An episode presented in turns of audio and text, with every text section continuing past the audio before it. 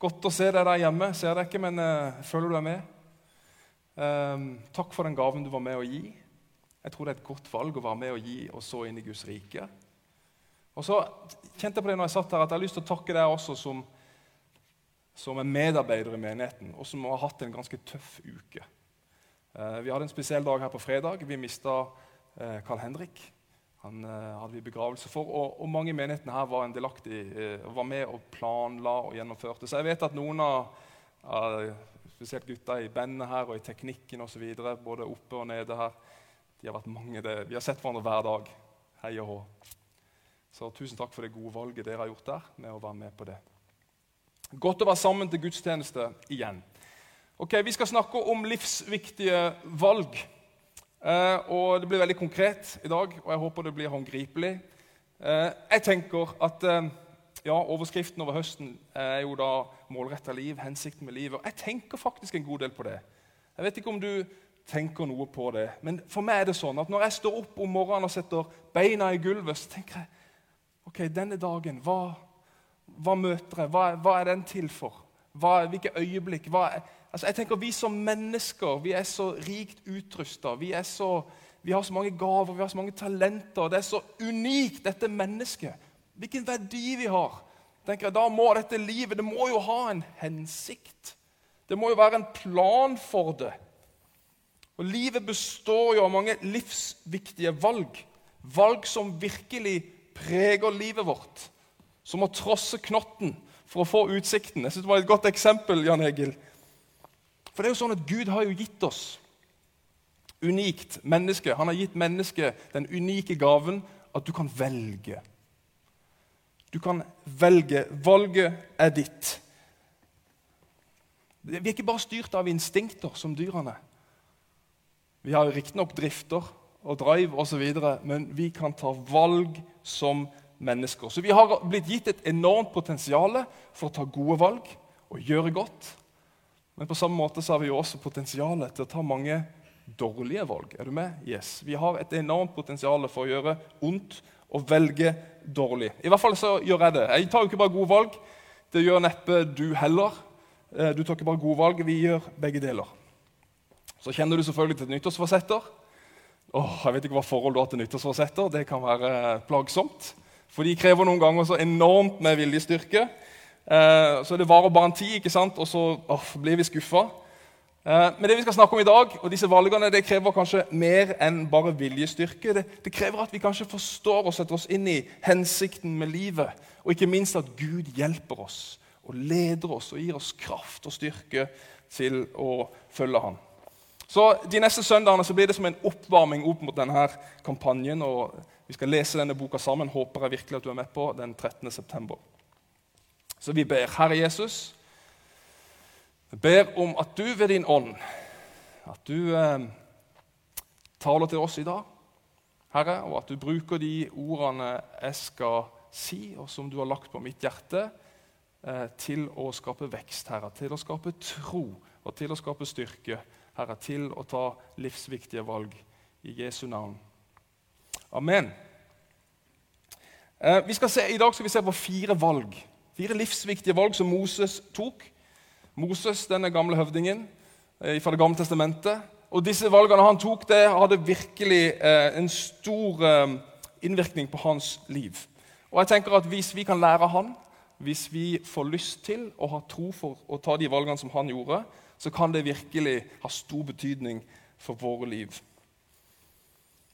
For Jeg, jeg, vet, ikke, jeg vet, ikke, hva du tenker, men er det ikke sånn at at det viktigste i livet er ikke nødvendigvis hva du møter, hva du erfarer, hva som kommer mot deg i livet. Men det viktigste er jo faktisk hvor, hva du velger å gjøre med de tingene som kommer imot deg. Er, er, ikke, er ikke, det det viktigste? For ingen av, oss, du, ingen av oss kontrollerer hva som kommer til å skje denne høsten. Du vet ikke hva morgendagen bringer. Det har du ingen kontroll over. Men det du har kontroll over, i hvert fall mer, det er jo hvordan vi responderer på det som kommer. Hvordan velger du å møte det livet som kommer? Hvordan takler du det?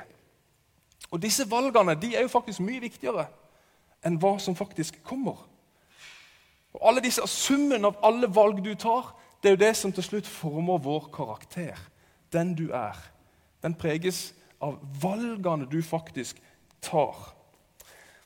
Ja, så I Hebreerne 11, det er der vi skal være i dag, der har vi fem korte vers som beskriver eh, valgene som Moses tok. og de første, Det første verset er riktignok det foreldrene hans tok på vegne av han, for da var han baby. Men de neste fire versene det er Moses sitt valg. Og bare kort om Moses. De fleste kjenner nok sikkert til han, men det er jo ikke alle som, som eh, leser Bibelen. Eh, men Moses han ble altså da født eh, inn, når uh, jødefolket var i slaveri i Egypt. Og Farao regjerte, og han så seg lei av at dette jødefolket det vokste seg stort, så han ville tynne litt i mengden. Han følte seg litt trua av dette folket, så han befalte da at alle guttebarn skulle drepes. Og det, det er jo en kjent historie. Eh, foreldrene de nekter jo selvfølgelig å, la, å drepe sin egen gutt, så de gjemmer han vekk, og til slutt så legger de han da ut i denne kurven på elva. ikke sant? Og så, um, og så sender de han ut. Du kan vente litt av, med bibelverset. Um, og Denne kurva ble jo da funnet av prinsessen i faraos hus. ikke sant? Og uh, Hun får kjærlighet for dette barnet. Uh, hun adopterer det, og det blir som hennes egen sønn. Så Moses går ifra å være født inn i slaveri i Egypt til å bli barnebarn til farao. Helt sprø historie. Uh, og kanskje var det ingen som visste. Jeg har aldri tenkt så veldig mye over akkurat det. Men kanskje var det ingen andre som visste at Moses var en jødisk gutt, bortsett fra eh, denne dattera til farao, prinsessa og hennes hoff, eller hennes tjenerinner. Men han vokste altså opp der, slavegutten hos farao. Og så står det da, som, eh, som vi har på veggen her, og som er fra Hverdagsbibelen. Jeg liker den, så hvis ikke du har den oversettelsen, så vil jeg anbefale den. På grunn av deres tro ble Moses gjemt av foreldrene sine i tre måneder etter at han var født. De så at han var et vakkert barn. De lot seg ikke skremme av kongens befaling. På grunn av sin tro nektet Moses da han var blitt stor, å kalles sønn av faraos datter. Han valgte heller å være en del av Guds folk med de lidelser det medførte, enn å ha en kortvarig nytelse av synd og luksus. Det å lide for sin tro var for han en større rikdom enn alle skattene i Egypt. Han så nemlig fram til den lønnen han ville få av Gud. Derfor forlot han Egypt uten å la seg stoppe av kongens raseri. Han holdt ut, for han kjente at Gud var med ham. Spennende, spennende vers. Ok, Det første valget første livsviktige valget som Mose tok, og som vi kanskje også må ta, det er at jeg nekter å bli definert av andre. Vers 24. På grunn av sin tro nektet Moses da han var blitt stor, å kalles sønn av faraos datter. I går hadde vi en sånn ledersamling her. GLS, Global Leadership Summit. kaller Vi det. Vi får undervisning fra USA. Steinbra. Eh, og Et av de spørsmålene vi skulle reflektere over, var hvem var du før noen sa hvem du burde være? Hvem var du før noen sa hvem du burde være? Å, oh, wow! Det ble eh, fin dialog rundt bordet der. For Gud skapte oss. Gud skapte jo det ikke for å være den du burde være. Du, uh, Gud skapte deg ikke for å være den som alle forventer deg at du skal være, men Gud skapte deg for å være den du er. Så hvem er jeg? Og Vi må jo alle innrømme at ja, det er hvor mange lar vi ikke fortelle oss hvem vi burde være? Kampen om identiteten, kampen om hvem jeg er, den kan være tøff. Men Gud skapte oss, han skapte deg til å være deg. Og Det var også det første Moses måtte deale med. Og Jeg ser for meg at han hadde en skikkelig identitetskrise på et eller annet tidspunkt i livet. i hvert fall når han ble større, som det står. For for en start på livet. Å vokse opp i dette hoffet og egentlig ikke være en del av det. Og Så kommer han opp da i moden alder og så skjønner han åh, hva skal jeg gjøre. Han hadde jo to valg. Det ene var jo selvfølgelig å, å bli. Å være en del av dette kongelige hoffet. Men han var jo ikke konge, kongelig i kjøtt og blod. Han kunne ha levd i luksus hele sitt liv. Tenk på den statusen, på rikdommen, på autoriteten. Alt han kunne hatt. Han kunne ha blitt der. Det må jo ha vært fristende. Eller han kunne ha valgt å bli det han Eller det som han faktisk gjorde, da. Han tok det valget om å bli det han faktisk var, en jøde, med det resultatet at han kunne bli sparka ut av slottet, bli ydmyka og leve fattig resten av livet. To valg. Hva hadde du valgt? Og Tenk på det at Moses han nekta å leve på en løgn. Han hadde integritet, som vi sier, altså at du handler etter din overbevisning. Og Hvor mange mennesker lever ikke på en løgn i dag? Vi prøver å være noe som vi ikke er. Vi prøver å leve opp til andres forventninger, og det skaper et enormt spenn i livet. Mennesker blir syke av det. Og Her så insisterer da altså Moses på å være det som Gud har skapt han til å være, mot alle odds. For det må det jo virkelig ha vært. Så spørsmålet er Jeg vet ikke om du har reflektert over det som vi gjorde i går, da, men hvem lar du bestemme hvem du skal være? Er det disse sterke forventningene fra foreldre, fra venner, fra kollegaer? Er det sjefen? Ja, vi kjenner nok på det. Jeg vet om mange menn som strever med å å leve opp til sin fars forventninger om hva de skulle være lenge etter at far er død. Noen strever med å finne seg sjøl igjen etter et, eh, et destruktivt ekteskap. De har mista seg sjøl. Ja, vi lar ofte mennesker definere oss. Men Det er ikke bare mennesker, men det er også samfunnet eller kulturen kan også definere hvem vi er. Kjør etter å bli som naboen, eller som alle de andre foreldrene i klassen til barna våre. Vi har hytte på Hovden eh, oppe i Setesdal. Eh, der er det jo flott, og det er mye fiff, fiffende folk og mye flotte biler. Jeg hørte en gang om en familie som hadde leid seg bil fordi de skulle på påskeferie. For de hadde sånn, en, kjip, eh, en, kjip, bil. Så hadde de leid seg en flott Tesla. da, vet du. Fordi de hadde ikke lyst til å skille seg ut. De skulle jo på Hovden. Og Der er det veldig mange flotte biler. Frykten for å være annerledes, den ligger i oss. Og Jeg får stadig vekk høre det fra ungene mine. Alle de andre, eller Vi er de eneste som har en så liten TV. De eneste. Alle andre får lov til å spille det og det spillet, pappa. Vi er de eneste som har så strenge regler. Alle andre bor i nye hus i Skårdal. Vi bor i et eldgammelt hus. Jeg føler meg fattig, pappa. Ja, er ikke bare bare. Ikke minst har vi sosiale medier og ikke minst markedskreftene der ute som presser på agendaen for hvem vi skal være. Det skaper også dette spenn i livet. ikke vel? Men hør ifra Romerne 12. Der står det, også i den oversettelsen, hverdagsbibelen, La dere ikke påvirke av denne verdens tankemåte, men sørg for at dere stadig får himmelske impulser. Som er da små TV-er. Nei da, du tar den. Eh, la Gud påvirke deres måte å tenke på, slik at dere til enhver tid kan vurdere hva som er Guds vilje med deres liv. Hva er Guds vilje med vårt liv? Det gode. Er det ikke herlig? Det gode, det som gleder Gud, det fullkomne. Så hva er Guds gode vilje? Jo, det er det gode. Gud har gode tanker for deg og for meg. Det står i Bibelen at han har fremtidstanker og håp for oss. Og Vi skal de neste ukene vi skal studere hensikten med livet. Men for å komme inn i det så må vi først våge å ta noen viktige valg. Og Det første er altså å nekte å bli definert av andre mennesker og heller få jeg liker uttrykket himmelske impulser. Du nevnte det, Jan Egil. Kolosserbrevet også sa det. Vi må velge å ta til oss av Guds gode tanker og planer for våre liv. Og Det er jo så enormt viktig, for hvis ikke du vet hvem du er, hvis ikke jeg vet hvem jeg er, da blir jeg aldri løst ifra frykten for å bli godtatt av andre mennesker. Da er det det som blir en drivkraft i livet. Det blir i hvert fall et stress og et spenn i livet. Hvis ikke jeg vet hvem Gud sier jeg er, ja, så blir det de rundt oss og samfunnet rundt meg som prøver å definere det. Jeg leste en bok en gang som hadde en, eh, en eh, tittel som het 'In the Audience of One'.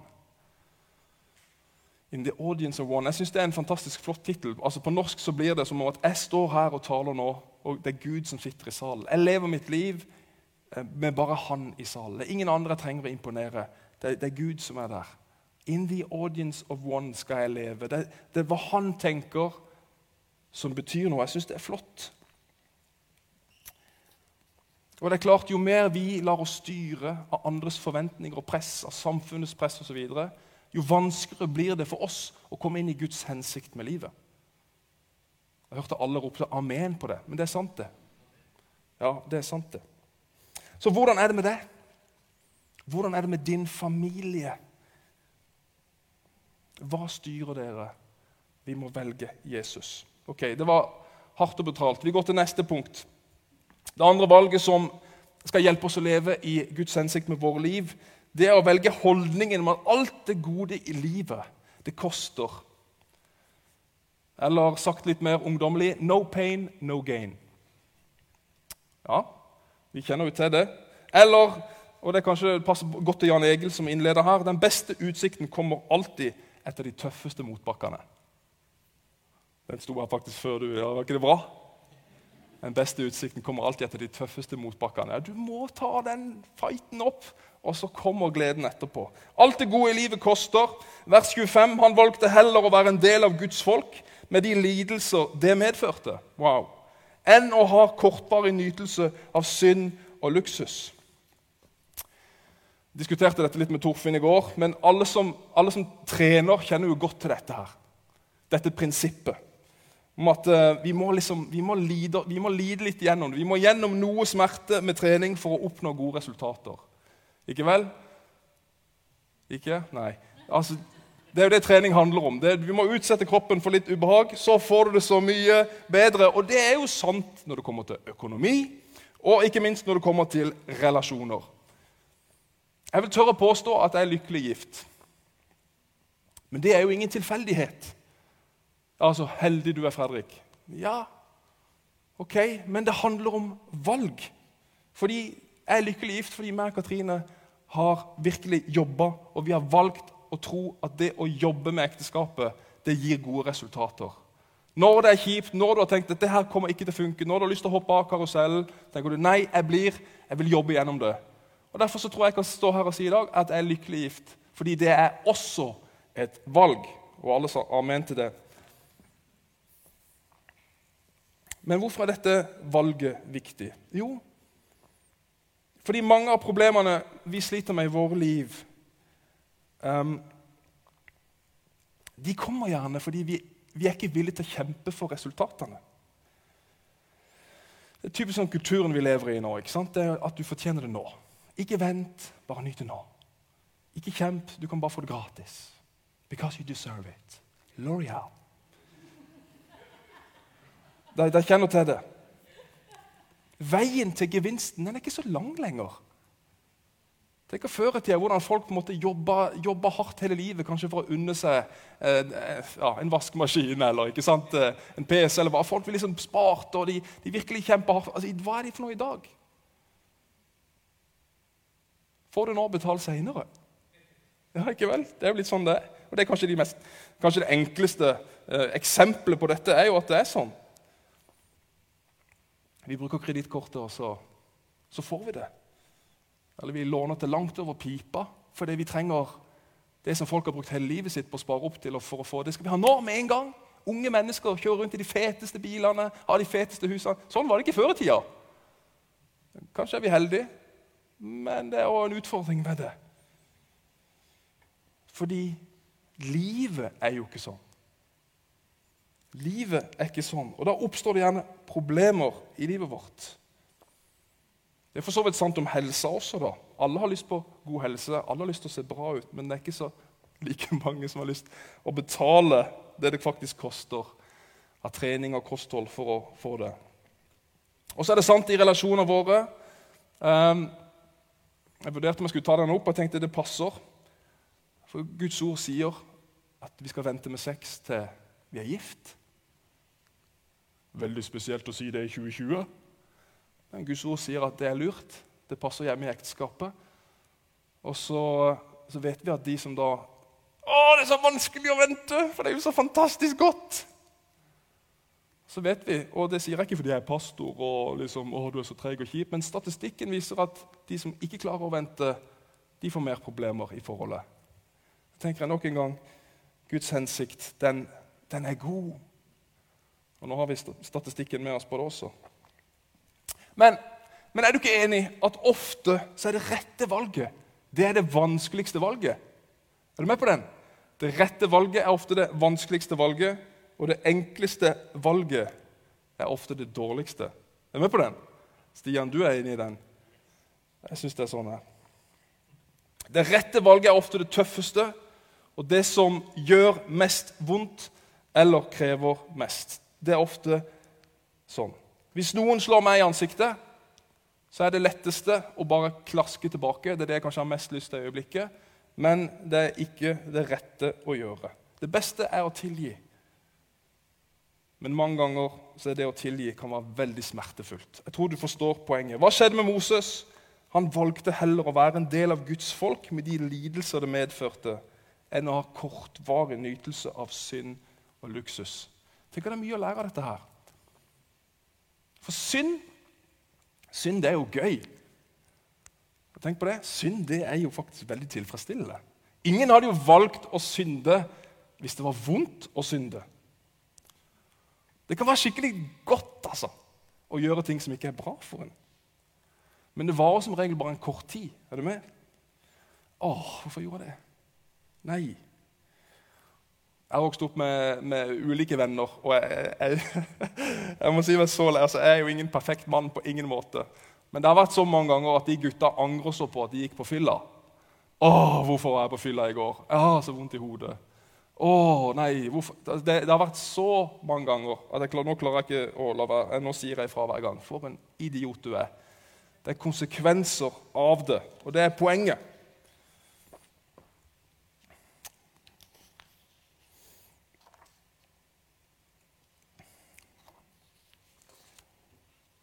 Vi kan slå oss skikkelig løs. Vi kan gjøre hva vi vil. Gud stopper oss ikke. Men noe vil slå tilbake. Og det er jo konsekvensene.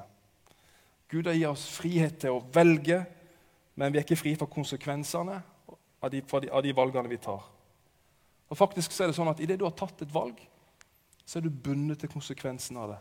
Er du med? Og Da er det jo best å ta de gode valgene. Ja, Vi skjønner dette. Moses valgte å lide vondt med folket sitt for å gjøre det som var rett. Han valgte den vanskeligste veien fordi han hadde tro for at det ville gi det beste for hans liv. Det var Guds hensikt for hans liv. Det gode i livet koster. Jeg er jo nettopp blitt tenåringsfar. Overgangen fra barn til tenåring den er eh, ekstrem. Jeg har jo hørt om det, men nå står jeg i det. og du verden. Og Mye av det vi snakker om, er jo nettopp dette med valg. Ah, hvorfor skal jeg gidde å hjelpe til? Hvorfor skal jeg gidde å gjøre noe her hjemme? Hvorfor skal jeg gidde å høre på deg, pappa? Eh, det er ofte sånn vi diskuterer. Eh, hvorfor skal jeg gidde å rydde rommet? Hvorfor skal jeg gidde å reie opp senga? Jo, fordi det handler om gode valg. Ja, men pappa, jeg kan jo begynne å ta gode valg når jeg blir voksen. Nei, eh, det kan du faktisk ikke. Da blir det for seint. For de valgene du tar i dag, de former deg. De former deg. Ja, hvorfor skal vi velge å jobbe på skole og jobbe med skole så godt vi kan? Jo, fordi det blir lettere seinere i livet. Aha. Ja, det gjør vi det. Som vi sa i sted, karakteren din er summen av dine valg. Og Jeg er ganske sikker på at mange her inne tjener i dag på gode valg som ble tatt når de var unge. Skjønner du? Dere som er ungdommer. Nå må dere høre etter her! Ja. vi bygger fundamentet, og så vokser vi. Så vokser karakteren, og så blir vi modne mennesker til slutt. Det håper vi. Eh, det er ikke alle voksne som er modne. Den kan du ta med deg hjem, dere som er tenåringer her. Sånn er det. Men det handler om valg. Dette sier Bibelen om motbakkene i livet. Romerne 5. Derfor klager vi heller ikke over livets motgang. Vi vet at motgang i livet gir oss tålmodighet. Tålmodigheten gir utholdenhet, og den trener oss til å ha et aktivt håp. Det gjør oss faste i troen, slik at vi er faste i håpet om det evige liv. Dette håpet vil aldri gå over i skuffelse, for Gud er trofast, og han har gitt oss Den hellige ånd, som fyller hjertet vårt med kjærlighet. Jeg skrev her 'Motstand gjør deg sterkere'. skrev jeg her. Ja, Men det er jo faktisk ikke helt rett. For motstand kan gjøre deg sterkere. Spørsmålet er hva du velger, da. Hva jeg velger å gjøre. Kan vi klare å velge denne holdninga? Jeg tenker Jesus, vårt forbilde, han må jo være det inkarnerte liksom, mennesket som virkelig viser hvordan han velger motgang for at det skal bli bedre. Han er et godt eksempel, og hans liv er det, og forhåpentligvis gir det oss kraft til å stå gjennom livet og ta de rette velgerne. Jeg tenker at Noen av de friskeste menneskene jeg har møtt, det er mennesker som kanskje har vært mest syk. Og Noen av de mest fredfulle menneskene jeg har møtt, er de som har hatt et helvete rundt seg. Og Hvorfor er det sånn? Jo, for det er ikke det du møter i livet som er det viktigste, men det er valgene du tar. Wow, sier jeg bare. Det handler om valg, og med Guds hjelp så kan vi klare det.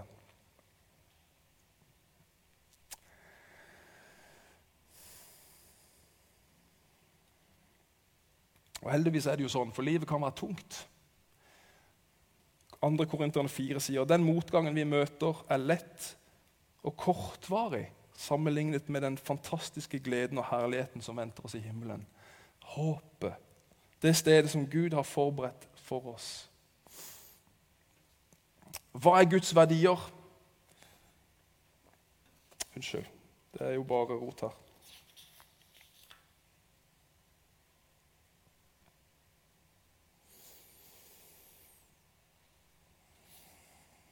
Jeg har stokka om eh,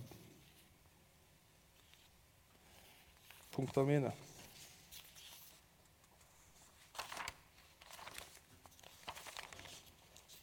Det er jo krise for en forkynner.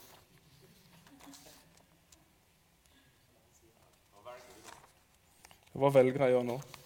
Jeg må bare finne det punktet. Det er jo helt krise. Tre.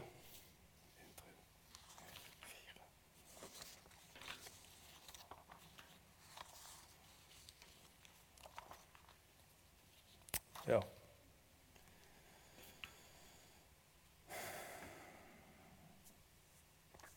Ok. Var, vi sier at det var punkt to. Og så tar vi punkt tre. Velge Guds verdier. Um, Hebreerne 11,26. Det å lide for sin tro var for ham en større rikdom enn alle skattene i Egypt. Han så nemlig fram til den lønnen han ville få. Og Vi kan trygt si at Når vi leser om Moses, her, så tok han virkelig et verdivalg. Det er jo så populært i disse dager. Jeg tok et verdivalg, jeg endret jobb osv. Moses tok virkelig et verdivalg. Tenk på dette med verdier. Har du tenkt, Hva slags verdier har du i ditt liv? Du, hva, hvilke verdier er det som er bestemmer hvordan du lever ditt liv? Hva verdier har du i din familie? Hva er det som er viktig for din familie? Og Det er viktig for oss å vite hva er det som er viktigst for oss. Hvis ikke så, ja, så vil kulturen eller andre mennesker bestemme hva det skal være. Moses han valgte å leve etter Guds verdier. Um, eller han, han, valgte å leve, ikke leve etter verdens verdier. Og hva er verdens verdier? Jo, Det er de samme som det alltid har vært. Penger, sex og makt.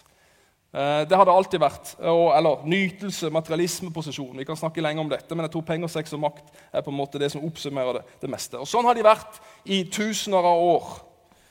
Og Moses han velger faktisk vekk det som mange mennesker bruker hele livet sitt på å oppnå. Det velger Moses vekk. Og hvorfor? Jo, for jeg tenker at Det var sikkert fordi han visste at det ikke ville vare.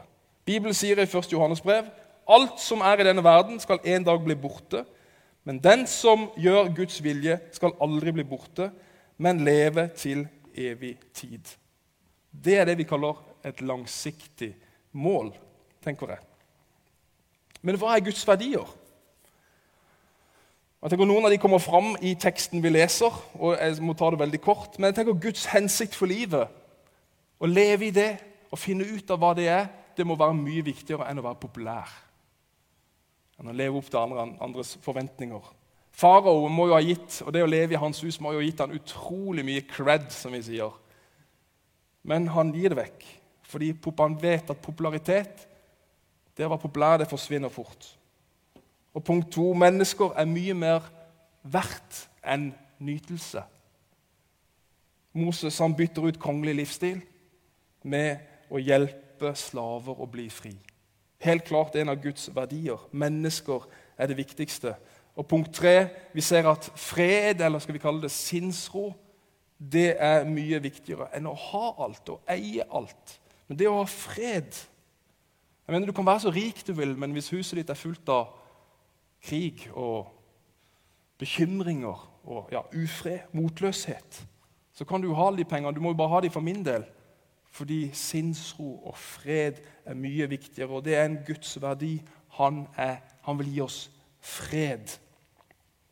Så Moses han ga opp alt det som verden renner etter, for heller å leve etter Guds hensikt med livet. Fordi folk er viktigere for Gud enn alt det materielle, og Guds hensikt er mye mer stabilt å satse på enn det å ha status og det å være populær. Og han var villig til å stå i motgang for å få den langsiktige gevinsten. Og som det står, han så nemlig fram til den lønnen han ville få av Gud.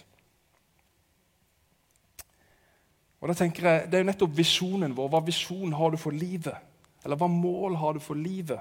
Det er det som bestemmer verdiene våre. Hva vil du med livet? Og det tenker jeg, det er jo kjempeviktig å tenke igjennom.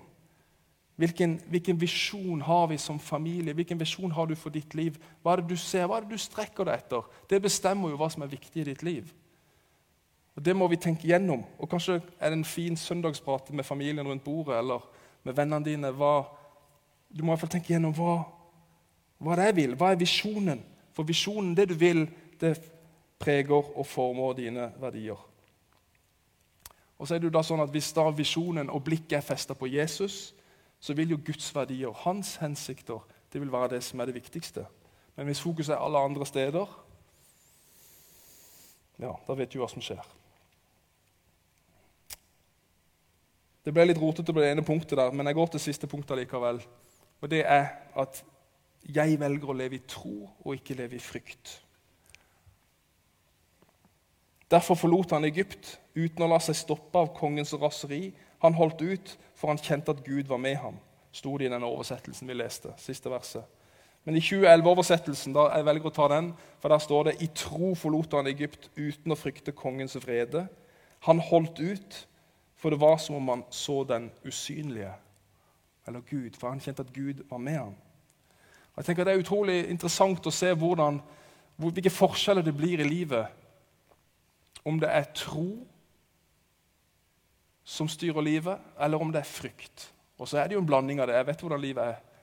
Men er det tro som definerer meg, og som preger mitt liv, eller er det frykt? Og De står veldig opp imot hverandre, og de får veldig forskjellige utslag for hva som preger oss. Og Tenk på Moses når han står foran farao, som er kanskje den, den gang verdens mektigste mann. Hans ord var lov, og der står Moses med stokken sin og sier at nei, du må la hele arbeidsstokken din gå fordi Gud sier 'let my people go'. Altså Det må ha vært enormt mye frykt i det. Han var sånn som er det, men allikevel han valgte å leve i tro og ikke i frykt. Og har en påstand her. Jo nærmere du lever Gud, jo mindre frykt vil du bære på i livet. Hmm. Jo nærmere du lever Gud, jo mindre frykt vil du bære på i livet. Jo lengre du lever fra Gud, jo mer frykt vil du bære på. Jo lengre vekk du lever fra Gud, jo mer frykt vil du bære på. Jo nærmere du lever Gud, jo mer tro blir du frykt med. Og tro, Vi har snakka litt om tro. Vi gjorde det her i, i, eh, i høst, eller i vår. Og det er veldig viktig for livet. Det er viktig for vårt liv. Tro er jo det å ha tillit til Gud. Ja, tro er jo det som behager Gud, står det i Guds ord. Han lytter, han handler på vår tro. Ja, han hører til min murring og min klaging, men han handler på min tro. Og Jeg sier dette, for jeg tror det er jo en sannhet med modifikasjoner. Sånn er det jo alltid. Vi må jobbe med ting. Men jeg har skrevet at ønsker vi at noe skal endre livet vårt, så må vi bare slutte å klage over det vi må begynne å tro. Ønsker du at noe skal endre livet ditt, så må vi slutte å bare klage over det, men vi må begynne å tro. Vi må begynne å ha tillit til Gud. Matteus 9 sier, 'Slik dere tror, slik skal det skje med dere'. Tro er viktig. Og I høst skal vi forhåpentligvis bygge tro for hva Guds hensikt er for våre liv. Men her er en nøkkel. Og Det er jo ikke det at eh, hvor stor tro du har. Jeg hadde en tale som het 'lille tro'. Du får høre den hvis du kjenner at du har en liten tro. Men det jeg sier nå, er at eh, det kommer ikke an på hvor stor tro du har, men på hvor stor Gud du tror på. Det er jo nøkkelen. Hvor stor Gud tror du på? Liten tro på en stor Gud gir store resultater. Og Nøkkelen er rett og slett hvem vi setter vår tro til. Mange kan ha tro. Ateister har tro på sine ting. Alle har en eller annen form for tro og bevisning og en forklaring på ting, men vi må ha troen i retning av Jesus og på, og på Han. Og Mange mennesker de lever i frykt hele livet, og frykten den binder oss, mens troen setter oss fri. Bare helt til slutt så har jeg et bilde her av eh, Bethany Hamilton. og Hun er en stor inspirasjon. og Hun var fire-fem år gammel så, så, begynte hun å surfe. Vokste opp på Hawaii. ikke sant? Og du, du, eh, Foreldrene de investerte alt i at hun skulle bli en god surfer. Og fra tidlig alder så var det det som var det store i livet. Eh, og allerede som 10-12-åring så var hun på en måte høyt oppe på nivå og vant alle konkurranser og full pakke. Og så skjer jo det som aldri skal skje. Det er at en svær, feit hvithai kommer og rrr, spiser den ene armen hennes. Og det er klart For henne da så, så bryter det jo drømmen, og alt går i, i knas og knus. Hva skal jeg nå gjøre? Jeg vet ikke om, om du er som meg når jeg har sett 'High Sommer' på TV. I ungdommen så, så vi Sommer', denne skrekkfilmen. og Da trodde du ikke jeg går og bader engang. Dung, dung. Altså til og med i Eivindsvannet kan jeg kjenne på den. At det, får helt panikk. Så det er liksom, Hvis vi snakker om frykt, så er 'High Sommer' liksom det, ja, Alle kjenner seg igjen i den. Du tenk deg hvor tøft det var. 13 år gammel, så skjer dette. Det, det er jo kommet egen dokumentar og full pakke om denne jenta. I tro hun har Jesus med seg, kristen jente, overbevist om at eh, nei, Gud, du ville at jeg skulle bli god surfer. Du er med meg i dette. Så bare, Jeg tror det var åtte uker etter operasjonen, så er hun i vannet igjen. Og ut i bølgene. I tro på at Gud er med, og at det er dette hun skal med livet sitt. I dag, ganske mange år etter, så er hun en av verdens beste kvinnelige surfere. Og Nøkkelen er at hun valgte å tro og ikke å frykte. Og Hvorfor forteller jeg denne historien? Jo, for jeg tenker at noen av dere og oss vi må ut i vannet igjen. Du er blitt brent, du er blitt skuffa, du er blitt såra i en relasjon, i en eller annen oppgave, i et kall, og så er du livredd for å gå tilbake inn i det. Og Da tenker jeg at Bethany kan være et godt eksempel. Ei ung jente som viser at det går an å velge å tro, og ikke la frykten binde oss. Jeg tenker uansett Setter du troen din til mennesker, så vil det skuffe. Mennesker vil alltid skuffe. Men Jesus skuffer ikke, tenker jeg. Det tror jeg. Å leve et liv med hensikt i etterfølgelse av Jesus det er sannelig en gave. Det er nåde. Men livet er en vandring, og du står fritt til å velge hvordan det skal bli. Og Vi må be om at Gud gir oss visdom og kraft til å velge lurt. Skal vi be sammen? Jesus, takk for at du har underfullt skapt oss med en enorm, et enormt potensial til å velge godt, til å gjøre godt. Men så kjenner vi det jo i oss, Herre, at, det, at vi også velger ondt, vi velger dårlig for våre liv, Herre. Og ettersom vi nå, Herre, som som menighet og som enkeltmennesker, om vi er her eller eh, hjemme. Herre Jesus, hjelp oss til å velge det. Til å ta de gode valg. Må du gi oss styrke, Herre. Det ber jeg om. Til å nekte å bli definert av andre. Og til å faktisk kjempe oss igjennom de motbakkene, for vi vet at utsikten kommer. Hjelp oss her å velge dine verdier, de som er varige. Og hjelp oss å leve i tro og ikke i frykt.